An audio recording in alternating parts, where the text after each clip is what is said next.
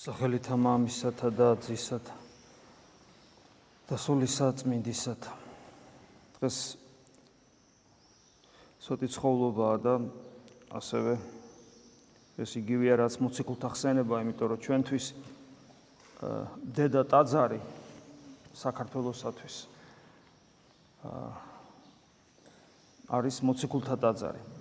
აი მაგალითად ბიზანტიისათვის დედა ტაძარი იყო სოფიას ტაძარი, ანუ სიბზნე. ჩვენთვის მოციქულთა. ეგება აქ ძალიან დიდი აზრი იყო ჩადებული ჩვენგან დამოუკიდებლად ყოველ შემთხვევაში ღვთისგან რომ ჩვენ ერთგვარად მისიონერული ფუნქცია უნდა გქონოდა ჩვენს ეკლესიას. ალბათ საუკუნეების განმავლობაში ასეც იყო, ჩვენი მოწამეობრივი ღვაწლით განსაკუთრებულად ვამოწმებდით მრავალი საუკუნის განმავლობაში რომ იესო ქრისტე არის ღმერთი, ამიტომ მისთვის ღირს სიცოცხლეც და რას თავარია მისთვის ღირს სიკვდილიც. ასე იყო საუკუნეების განმავლობაში. ასე მისიონერობდით და ასე ცხოვრობდით. ხო, ალბათ ამიტომაც ჩვენი დედა ტაძარი, რომელსაც ჩვენ სვეტი ცხოვრებას უწოდებთ, საიდანაც აღმოცენდა ქართველიერი როგორც ქრისტიანიერი 12 მოციქულის სახელს ატარებს. რა თქმა უნდა, ჩვენთვის მოციქულ მოციქულთა ისტორია, მოციქულთა ცხოვრების წესი არ შეიძლება იყოს უბრალოდ რაღაც ისტორია царსულში არსებული, არამედ იგი ჩვენთვის ცოცხალი უნდა იყოს, ჩვენ უნდა ვიცოდეთ ისინი როგორები იყვნენ, როგორ ცხოვრობდნენ, როგორ უყვარდათ უფალი და რა იყო მათთვის იესო ქრისტე. ვინ იყო მათთვის იესო ქრისტე. და ჩვენ ამათ მივიბაძოთ. პავლე მოციქულის პირით გახმოვანებულია წმინდა წერილში რამდენჯერმე როცა იგი გეუბნება რომ მას მიბაძოთ რამე თუ ის ქრისტეს ბაძავს ბაძავს ოღონ არაზნეობრივი კუთხით უბრალოდ ჩვენ ხშირად მიმბაძველობაში სული ქრისტიანულ ცხოვრებაში როცა მიბაძვა გვესმის ჩვენ შეიძლება ვიფიქროთ რომ ეს არის რაღაც ზნეობრივი მიბაძვა ეგეც არის რა თქმა უნდა. მაგრამ აქ თავარი ეს არ არის თავარი ეს არის არსობრივი მიბაძვა, როდესაც ვისაც ვბაძავთ იმის მსგავსი ხდებით, ოღონ არსობრივად. ანუ ჩვენს და ჩვენ და მას ერთი ენერგია გვამოძრავებს, ჩვენ ანუ საფრთხე ენერგიით ვივსებით. ამიტომაც ამბობს პავლე მოციქული, რომ მე კი აღარა ვარ ცოცხალი, არამედ ჩემში ცოცხლობს იესო ქრისტე.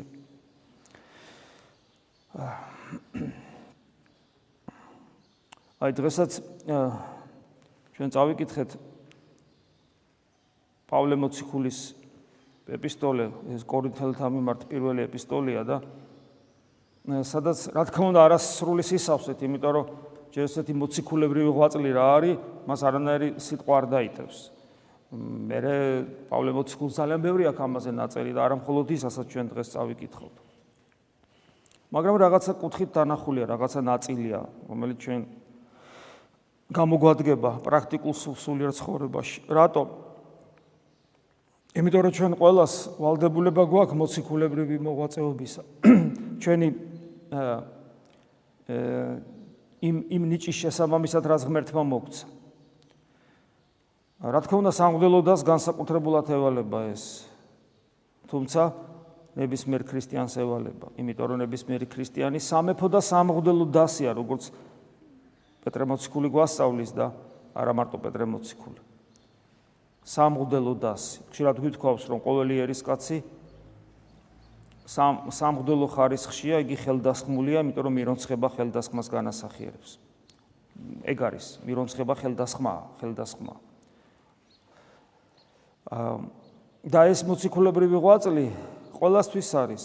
აი როგორც მაგალითად უფალი გვეუბნება რომ იყავით ნათელი ამას ოფლის, ეს ყოველასთვის არის. და დღესაც როცა წავიკითხეთ სახარება იქ როცა მოციქულებს გამოირჩევს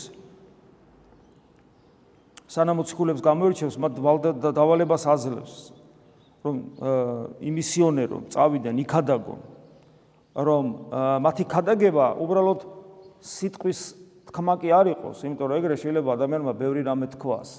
სიტყვას ძალა უნდა კონდეს რაში უნდა კონდეს რაში უნდა ვლინდებოდეს ეს ძალა? ერთ-ერთი რაშიც უნდა ვლინდებოდეს ეს ძალა?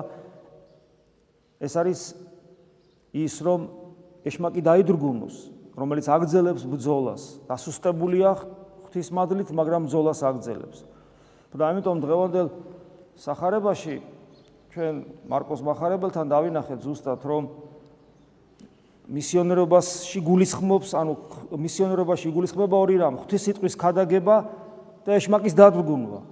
თუ ეშმაკი არ დაედრგუნა, ადამიანს არ შეუძლია ღვთისიტყვა მიიღოს. უფალი, უფალიც ესე მისიონერობს. უფლის სიტყვები ხომ цаრიელი სიტყვები არ არის, ამას ჩვენ დღესაც გზნობთ, თორსა წმის სიტყვებს ვიკითხულობ წმინდა წერილში. და ის ადამიანებიც გზნობდნენ, როცა მის დროს ცხოვრობდნენ 2000 წლის წინ და ამბობდნენ გახსოვს წმინდა წერილში როგორ წერია რომ რომ უსმენდნენ უკვირდათ რომ რა უცნაურად ლაპარაკობს.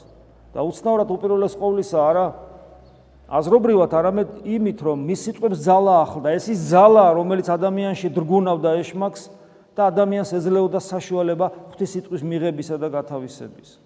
შესაბამისად გულის გახსნისა და შესაბამისად გაქრისტიანებისა ამიტომ ეს ორი რამ, ქადაგება და ეშმაკის დადრგუნვა არის აუცილებელი პირობა მისიონერობის.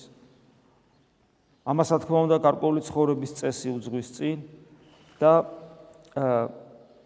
ეს წესი ხშირად შემაშფოთებელია ხოლმე ადამიანთათვის. ჩვენ გვეშინია ასეთი ცხოვრების.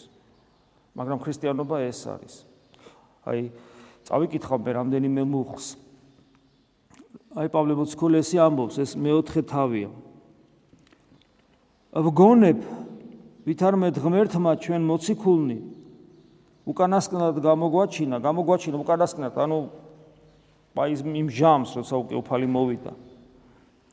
აა ან თქვა შეიძლება ითქვას სიმდაბლიდან გამომდინარეა, რომ ჩვენ რაღაც უკანასკნელი ვართ, გარკვეული გაგები და აი გამოგვაჩინა ღმერთმა ვითარცა ვითარცა სასიკვდილნი, ანუ როგორც სიკვდილ მისჯილები. ესე იგი გამოგვა ქრისტ ჩვენ აი დღესაც სახარებაში ნახავთ და საერთოდ ვნახეთ და საერთოდ ეს წმინდა წერილში კარგად ჩანს რომ უფალი თვითონ ირჩევს მოციქულებს. ხანდახან არის რომ ვიღაცას უნდა და უფალეონება არა. ამასაც ხედავთ სახარებაში. შემოციქულად არა. ისე ქრისტიანი ქრისტიანი იყავი რა თქმა უნდა მაგრამ მოციქული არა. განსაკუთრებული მდგომარეობაა ეს ხო? ეს რა თქმა უნდა უკვე სასულიერო პირებს ეხება. აი ეს განსაკუთრებულო განსაკუთრებულო თორე იყო შემთხვევები, როდესაც არ წაიყვანა, მაგრამ მოციქულებრივი ღვაწლი და მოციქულებრივი ღვაწლისაკენ უბიძგა. როცა ეშმაკელს განკურნავს, არ წაიყვანს, მაგრამ მეუნება წადი და იქადაგე შენ სოფელში. მაგრამ აი რომ თან წაიყვანოს, ეს უშუალოდ რა თქმა უნდა სასულიერო პირებს, ანუ ჩვენ გვეხება. და აი ჩვენ გამორჩეულნი ვართ არა იმისათვის, როგორც ივანე და იაკობ მოციქულები თავის დედას რო ჩართეს ამ საქმეში, ნუ გასაგებია, მაშინ ჯერ ისინი ჯერ კიდევ შინაგანად ღმერთის ანუ მათში ჯერ კიდევ ღვთის სამეფო მათში არ იყო დამკვიდრებული სულ სულთმოფენობის მერე მოხდა. ისინი როგორ უყურებენ და ეს მარტო მათი პოზიცია არ იყო. მერე ჩანს როგორ გაბრაზდებიან სხვები რომ ყველა ასე ფიქრობს. რომ შენ რო გამეფთები შენს მარჯვნივ და მარცხნივ ჩვენ ჩვენ დავждდებით რა თუ შეიძლება ანუ ვიქნებით შენი პირველი მოადგილეები სამეფო დიდებაში. მაგრამ არა, ნახეთ როგორ ამბობს პავლე მოციქული. გამოგვარჩინა, გამოგვარჩინა ღმერთმა ვითარცა სასიკვდინელი, სიკვდილ მისჯილები, ამასოფლისული, ამასოფლისთვის არა, ამასოფლის დიდებისათვის და ბედნიერებისათვის არა. არამედ სასიკვდილ მისჯილები. და სახილველ ვიქმენით სოფლისა, ანგელოსთა და კაცთა. და ეს გამოგვაჩინა და ყოველასთვის დასანახავი გაგხადა. ყველა გვაკვირდება. ადამიანი ურწმუნოც კი ინტუიციურად იმიტომ რომ ნებისმიერი ადამიანი ქრისტეს ხატია, თუნდაც ურწმუნო იყოს და ის ინტუიციურად შე რო გიყურებს, ხო ქრისტეს უნდა ხედავდეს სასულიერო პირს, რო უყურებს ქრისტეს ხედვა უნდა მას, ქრისტეს უნდა რო ხედავდეს. და იქ სადაც ეს არ არის, ის ამბოხს იწყებს მე ჩვენს წინააღმდეგ. და ის გლანძღავს მე. იმიტომ რომ მას თითქოს შანსი მიეცა იმისა რომ ქრისტე დაენახა და შენ ეს შანსი მოუკალი, იმიტომ რომ არ გავხარ ქრისტეს. იმიტომ რომ აი ეს სიკვდილ მისჯილობა არ მოგწონს შენ, არ ქსიამოვნებს, მღდელს ვეუნები საკუთარ თავს. ამიტომ მაგრამ ვერ გავექცევით ამას. მაშინ უნდა დავტოვოთ ღდულობა. ღდულობა ეგ არის ზუსტად. არა ის რომ ამას სოფლის ამას სოფლში წარმატება გქონდეს, კარიერა გავიკეთოთ, ფუფუნება გქონდეს და ასე შემდეგ, ძალაუფლება, ძალაუფლება, ყველაზე ყველაზე საშნელი საცტური სასულიერო პირისათვის. ძალაუფლება, იმიტომ რომ მას პატივს მიაგებენ, მორწმუნეერი მას პატივს მიაგებს, როგორც მამას. და პატივს მიაგებს იმიტომ, რომ ის მორწმუნეერი ქვეცდებერად ქრისტეს მიაგებს პატივს. შენ ქრისტეს ხატი ხარ. ეს პატივი შენ არ გეკუთვნის, ჩემ თავს ვეუბნები როგორც ღდელს. ეს პატივი ქრისტესია და როგორც კი შენ ამ პატივს მიიტაცებ, როგორც კი შენ ამ პატივს მიიტა გეგონება რომ შენია და ძალაუფლებით დატკბები და მე ამ ძალაუფლებით ქრისტეს სამწყსოს შეავიწროებ. ან შეავიწროებ შენ ქვეშერდომ სასულიერო პირებს. შენ დაგავიწყდა რომ სიკვდილ მისჯილი ხარ აქ ამ სოფელში და არა ძალაუფლებისათვის მოსულ ჩვენ ხშირად უგუნურები ვჩანვართ. აი მაგალითად როგორ ამბობს, ჩვენ სულელ ქრისტესთვის. ხოლო ვინც ვისაც ნამდვილი ღვაწლი არ უნდა, მე პავლე მოციქული თითქოს სულიერი ირონია ჩას, თქვენ ბრძენი ქრისტესათვის ესეულება. ჩვენ სულელი, დიახ, პავლე თავის თავს სულელს უწოდებს და თავის თავთან ერთად ყველა მოციქულ, ჩვენ სულელები ვართ ქრისტესთვის, ხოლო თქვენ კი ბატონო, ბრძენი ხართ. მაგრამ ბრძენი ამას ოფლისათვის. და ხო გესმით, რომ ქრისტესათვის სულელი უსასრულოდ უფრო ბრძენია ვიდრე ამას ოფლისათვის ბრძენი. მერე ცხოვრების წესი როგორია? აქამომდე, აქაჟამამდე ქშის, ანუ ქშივა, წყურია, შიშველ ვართ, ვიქენჯნებით, ანუ ვიტანჯებით, განუსვენებელ ვართ, ანუ ჩვენ ჩვენ შრომას დასვენება არ აქვს. და შურებით, ანუ ღვაწლში ვართ, შრომაში ვართ. რამე თუ ვიქ ხელითა ჩვენითა, მაგინებელთა ჩვენთა ვაკურთხებთ, ვიდევნებით, თავს ვიდებთ, ანუ მუდმივი, მუდმივი, მუდმივი ბრძოლის, ბრძოლის რეჟიმია. იმიტომ რომ და თან აი აქ ეს ეს არის და მაგინებელთა ვაკურთხებთ და მდევნელთ მდევნელ მდევნელებზე აქეთ ზრუნავთ, ვითმეთ მათ დევნულობას. მგმობართა ჩვენთა ვულოცავთ. ანუ მგმობარი ვინ არის, ვინც გლანძღავს, ვინც ახალს გვიტეხავს და მათთვის ჩვენ ლოცულობთ. ვითარცა ნარჩევნი სოფლისანი, ანუ სოფლის ნაგავი, გადასაყრელი. აი აგორც ეს ნაგავი, ნარჩევი გამორჩეული ვართ, შევიქმენით. და ყველასგან ამგვარად ვართ, ვიდრე დღევანდელ დღემდე. ვიდრე დღევანდელ დღემდე. და შემდეგ ბოლოს ასრულებს რომ გლოცავ თქვენ, ანუ გევედრებით მომბაძეთ. მომბაძეთ თუ თქვენ გინდათ რომ იყოთ იყოთ ქრისტიანები, რასაც ქვია. ეს არის. მაგრამ იმისათვის რომ ეს ჩვენში რეალიზდეს, განსაკუთრებულად სასულიერო პირებს ეხებათ ეს, რა თქმა უნდა. და ჩვენი მაგალითით მე ბრევს. ჩვენ უნდა ჩვენ უნდა თანამუშაკნი ვიყოთ უფლისა და თანამშრომლობა ასკეტური ღვაწლია. ასკეტური ღვაწლი იმდენად მნიშვნელოვანია, რომ მის garaშე არ განიდევნება ეშმაკი ჩვენგან. აი, როგორ განიდევნება ეშმაკი ლოცვითა და მარხვითა.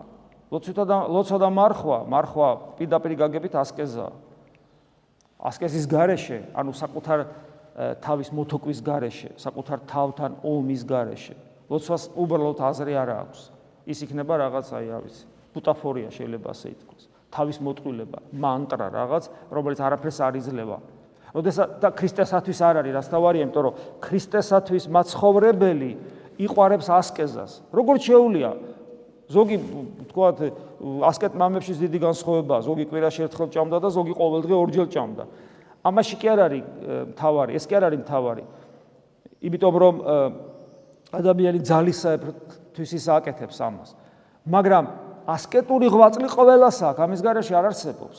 ანუ ჩვენ საკუთარ თავს მოვთოკავთ. თუ არ მოთოკე საკუთარი თა, უბრალოდ კულტურული ადამიანის კი მოთოკავს საკუთარ თავს ყოველგვარი ქრისტიანობის garaში. თუ ადამიანმა საკუთარი თავის მოთოკვა არის სწავლა, უბრალოდ ცხოველს დაემსგავსება. ქრისტიანობაში რა თქმა უნდა და კულტურული ადამიანი კულტურისთვის, სახელისთვის, ზნეობისათვის რო პატივი არ შეელახოს. ხოლო ჩვენ ქრისტესთვის და ბუნებრივია თუ ქრისტესთვის უფრო მეტი ღვაწლი უნდა გქონდეს ვიდრე უბრალოდ კულტურულ და ზნეობრივ ადამიანს.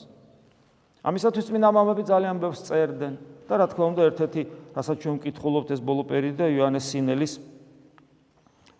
იოანეს სინელის კიბია, რომლიდანაც გარკვეულ მუხლებს ვკითხულობთ. აი დღესაც თქვა ეს არის მე-17 ამონარიდები ამ ხოლოთ არის არ არის სრულად მთელი თავები. აი მაგალითად ერთ-ერთი თავი ერთ-ერთი თავს ქვია უპოვარებისათვის. უპოვარება ზოგს ფიქრობს ეს მე არ მეხება ეს მონაზვნებს ეხება. არ არის მასე. არ არის მასე.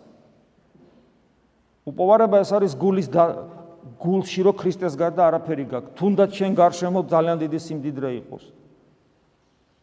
იცავს ჩვენი მეფეები გვახსენდება, ხო, თამარი გვახსენდება, დავითი გვ თამარი საერთოდ ყველაზე მდიდარი მეფე იყო. არა მარტო მაშინ, არამედ არა მარტო საქართველოში, სხვა მეფეებთან შედარებით, არამედ მე მგონი სოფლიოში, მაშინდელ სოფლიოში. და თამარი როგორ ცხოვრობდა? ფეხში შველა მიუძღოდა ჯარს, ცივსენაკებში ათენებდა უძილო ღამეებს ლოცვაში, თავისი ხელით ქსოვდა და ამ გაყიდული თანხით მოწყალებას არიგებდა. წარმოიდგინეთ, რას აკეთებდა? ანუ შრომობდა.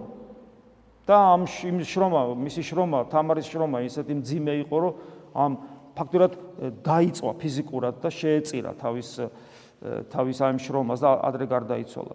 დავითი, დავითი, დავითი ასევე შრომას სამეფო ღვაწლს შეეწირა, მას ფუფუნებაში საერთოდ არ უცხოურია და ნაადრევად გარდაიცვალა. ერეკლე მეორე ნაადრევად არ გარდაიცვალა, მაგრამ რამდენიმე ათეული ჭრილობა ჰქონდა და ფუფუნების ფაქტურად უნაგირზე ცხოვრობდა ადამიანი და როცა სახელმწიფო საქმეებს აკეთებდა, იქ საათობის განმავლობაში ლოცვისათვის განმარტოვდებოდა, ესეთი იყო ერეკლე მეორე. ანუ ეს ეს ადამიანები დიდრები იყვნენ. დიდრები. ილია მართალი გაგვახსენდა ჭავჭავაძე. თავადი იყო, მდიდარი იყო, მაგრამ მას უდიდესი ღვაწლი ჰქონდა. და ბოლოს ამ ღვაწლს ფიზიკურადაც შეეწირა და იგი მოკლეს. ანუ უპოვარება რა, უპოვარება არის გულის მდგომარეობა. იმიტომ რომ შეიძლება ადრეს ვიტყვა, შეიძლება ადამიანი ხატაკი იყოს, არაფერი კონდეს და მთელი მისი გული სავსე იყოს გამდიდრებაზე და ძალაუფლებაზე ოცნებით. ეს ადამიანი გარეგნულად უპოვარი, შინაგანად ოცნებაში, მაგრამ არ არის უპოვარი ქრისტესთვის იქ ადგილი არ არის, ის ოცნებობს სიმდიდრისთვის და შეიძლება და ოცნებობს ფუფუნებისათვის და პირიქით წეღარას გითხარით. ამიტომ აი უპოვარება სულიერი მდგომარეობაა და გარეგნულად გარეგნულად არ არ არ არავლენს თავის თავს. და აი ამბობს ამბობს იონესინელი ესეც სიტყვას. დიდია იგი, ვინც ღვთისათვის დატოვა თავისი ქონება. ანუ არჩევანი გააკეთა. არჩევანი გააკეთა ღვთისათვის, დატოვა თავის ქონება. მაგრამ იგია ნეტარი, ვინც საკუთარი ნება მოიკვეთა. აი რაზეც მე თქვენ გესაუბრებოდით, ის დაგვიდასტურა. ნება, რა არის ნება ადამიანი? ადამიანის ნება არის დაცემული ბუნების თვისება, რომელსაც სურს ძალაუფლება და ფუფუნებაში და განცხრომაში ცხოვრება. ადამიანის ნებას ეს სურს. და ვინც თავის ქონება დატოვა, ის რა თქმა უნდა დიდიაო, ბუნებრივია, ღვთისათვის აი მონასტერში წავიდა ალბათ, ხო, ესეთი რამე ხდება. ვინც თავის ქონებას ტოვებს, ის მონასტერში მიდის. პირდაპირ გაგებით მას ეს ევალება კიდევაც, იმიტომ რომ მონასტერში ქონება რა თუნდა. და დიდიაო, მაგრამ უფრო დიდია. ვინც თავისი ნება მოიკვეთა, იმიტომ რომ ასეთი ადამიანი შეიძლება მონაზონი არც იყოს. მაგრამ აი ეს ნებელობა, რომელიც მას ესე იგი უბიძგებს, რომ ფუფუნებაში განცხრომაში და ძალაუფლებით ტკბობით იცხოვროს, აიზნება მოიკვეთა. რომელიც მონასტერში შეიძლება ადამიანს დარჩეს, მაგრამ ვიღაცამ შეიძლება ეს ერში მოიკვეთოს. პირველი ასწილ ქონებას ან მადლს მიიღებს, რომელმაც ფიზიკურად დატოვა. მეორე კი საუკუნო ცხოვრებაში უმაღლეს დიდებას მოიპოვებს. ანუ აი ეს მდგომარეობა როდესაც ადამიანი ნებას მოიკვეთს, ანუ დაცემული ბუნების მიდრეკილებებს, ეს არის ის მდგომარეობა, რასაც პავლე მოციქული წელან საუბრობდა ზუსტად, რომ ჩვენ როგორც სიკვდილ მისჯილები ვართ და ქშია წყურია და ტრები არ აკვავს. იმიტომ რომ ვინც გლანძღავს, ვინც გუდევნის, ვინც და ასე შემდეგ, ჩვენ მათთვის ულოცულობთ, მათ ვაკურთხებთ, ვპატიებთ. იმიტომ რომ მა მტერი რა არის? მტერი არის ის, ვინც რაღაცას წაგართმევს. ჩვენთვის ერთი რამე არსებობს ღირებულება ქრისტიანისათვის იესო ქრისტეა. ხო და იესო ქრისტე ესეთი განზია, რომლის წართმევა არავის არ შეუძლია. არავის, ვერამი ვერ წაგართმევს იესო ქრისტეს. ვინ განმაშოროს მე სიყვარულსა ქრისტესა? ამბობს დიდი პავლე. ვერავინ. ეს მით აი მე მაგ რაღაცა ძვირფასი, რომელიც ჩემთვის ერთადერთი ღირებულებაა და შენ ამის წართმევა არ შეგიძლია. შენ ჩემტერი როგორ უნდა ვერ იქნები. ну შემეცოდები რომ არასწორად ცხოვრობ როცა ხედავ რომ გაბოროტებული ხარ ქრისტეს რომელიც ჩემშია მე მას ვევედრები რომ შენ სინამდვილე მოგეცეს და გეშველოს მაგრამ მტერი ვერ ახარ იმიტომ რომ ვერაფერს ვერ მიშავებ ეს არის იდეალი ქრისტიანული მდგომარეობის ჩვენ რომ საქართველოში მღვდლები ასეთები ვიყოთ ჩვენს მაგალითზე რომ რეულიც ასეთები იყოს ასეთნი იყვნენ და თელიერიც რო ჩვენს გვაძავდეს საქართველოს ეკლესია ხო გაბწყინდება მასთან ერთად რადგან ეკლესია ფაქტობრივად ემთხვევა თავის საზღვრებით საქართველოს სახელმწიფოს იმიტომ რომ უმრავლესობა მართლმადიდებელი ქრისტიანია თელიერი გაბწყინდება და ეს რომ არ ხდება ამიტომ ხდება ის რაც ხდება გაუთავებელი უბედურება ჩვენს ქვეყანაში დაუსრულებელი სადაც ყველა მხარე ვისაც კი არ უნდა მოусმინო. ერი თუ ბერი, პოზიცია თუ ოპოზიცია, ლიბერალი თუ ესე იგი ფუნდამენტალისტი, სულ ერთია, ყველა მართალია, ყველა და ამ ყველა მართალში ერთი მართალი მაინც რო იყოს. ერთი მხარე მართალი რო იყოს, იქიდან დაიწყება აღორძინება. ჩვენ არც ერთი არა ვართ მართლები.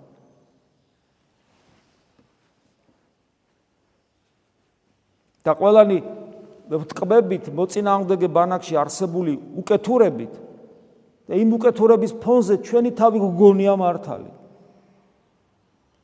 აი თქვა გარყვნილი ადამიანი, უყურებ მე ამ გარყვნილ ადამიანს, რომელიც ამ თქვა რაღაც გარკვეული ზნეობრივი სიმახინჯის აპოლოგიას ეწევა. მე რომ ჩემ თავს მას ვადრი, თუ ასე თქვა თუ გარკვეულ ზნეობრივ ნორმებს ვიცავ, მე მგონია რომ მე მართალი ვარ და ეს არის ზუსტად ის ხიბლის მდგომარეობა. მე არა ვარ მართალი. სახარების სული ეს არ არის.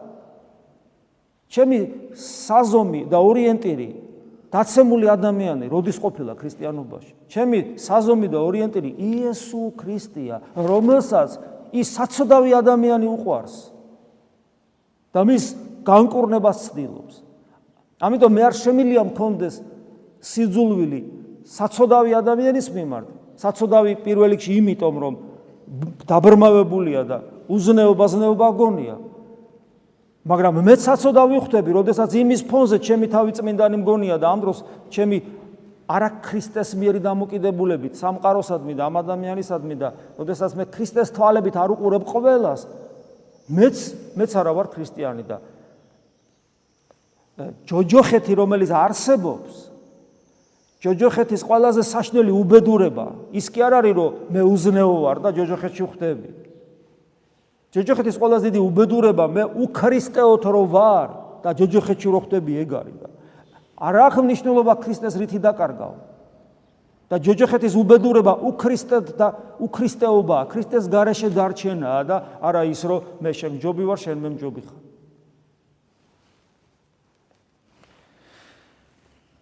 შეგვეციოს ჩვენი დედა ტაძარი უამრავი იქ ყოფი განსონებული წმინდანის სვეტიცხოვლის მადლის და ყველა იმ ადამიანის მეოხებით რომელსაც იმ ადგილას წმინდანინოს წმინდანინოთი დაწყებული სიდონიათი დაწყებული იმ ადგილას ქრისტეს წინაშე გულმხურვალეთ გულოცია ყველასთვის და რა თქმა უნდა საქართველოსათვის.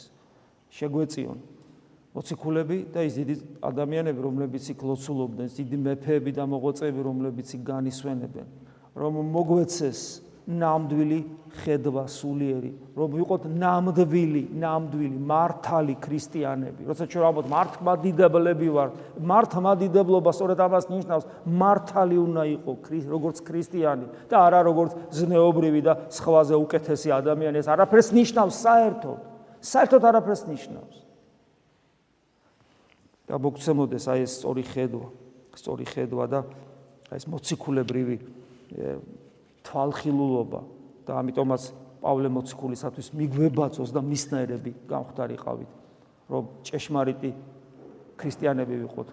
ამინ. მადლი უფლისა ჩვენისა იესო ქრისტესი და სიყვარული ღმრთისა და მამისა და ზიარება სულისა წმინდისა იყოს თქვენ ყოველთა თან.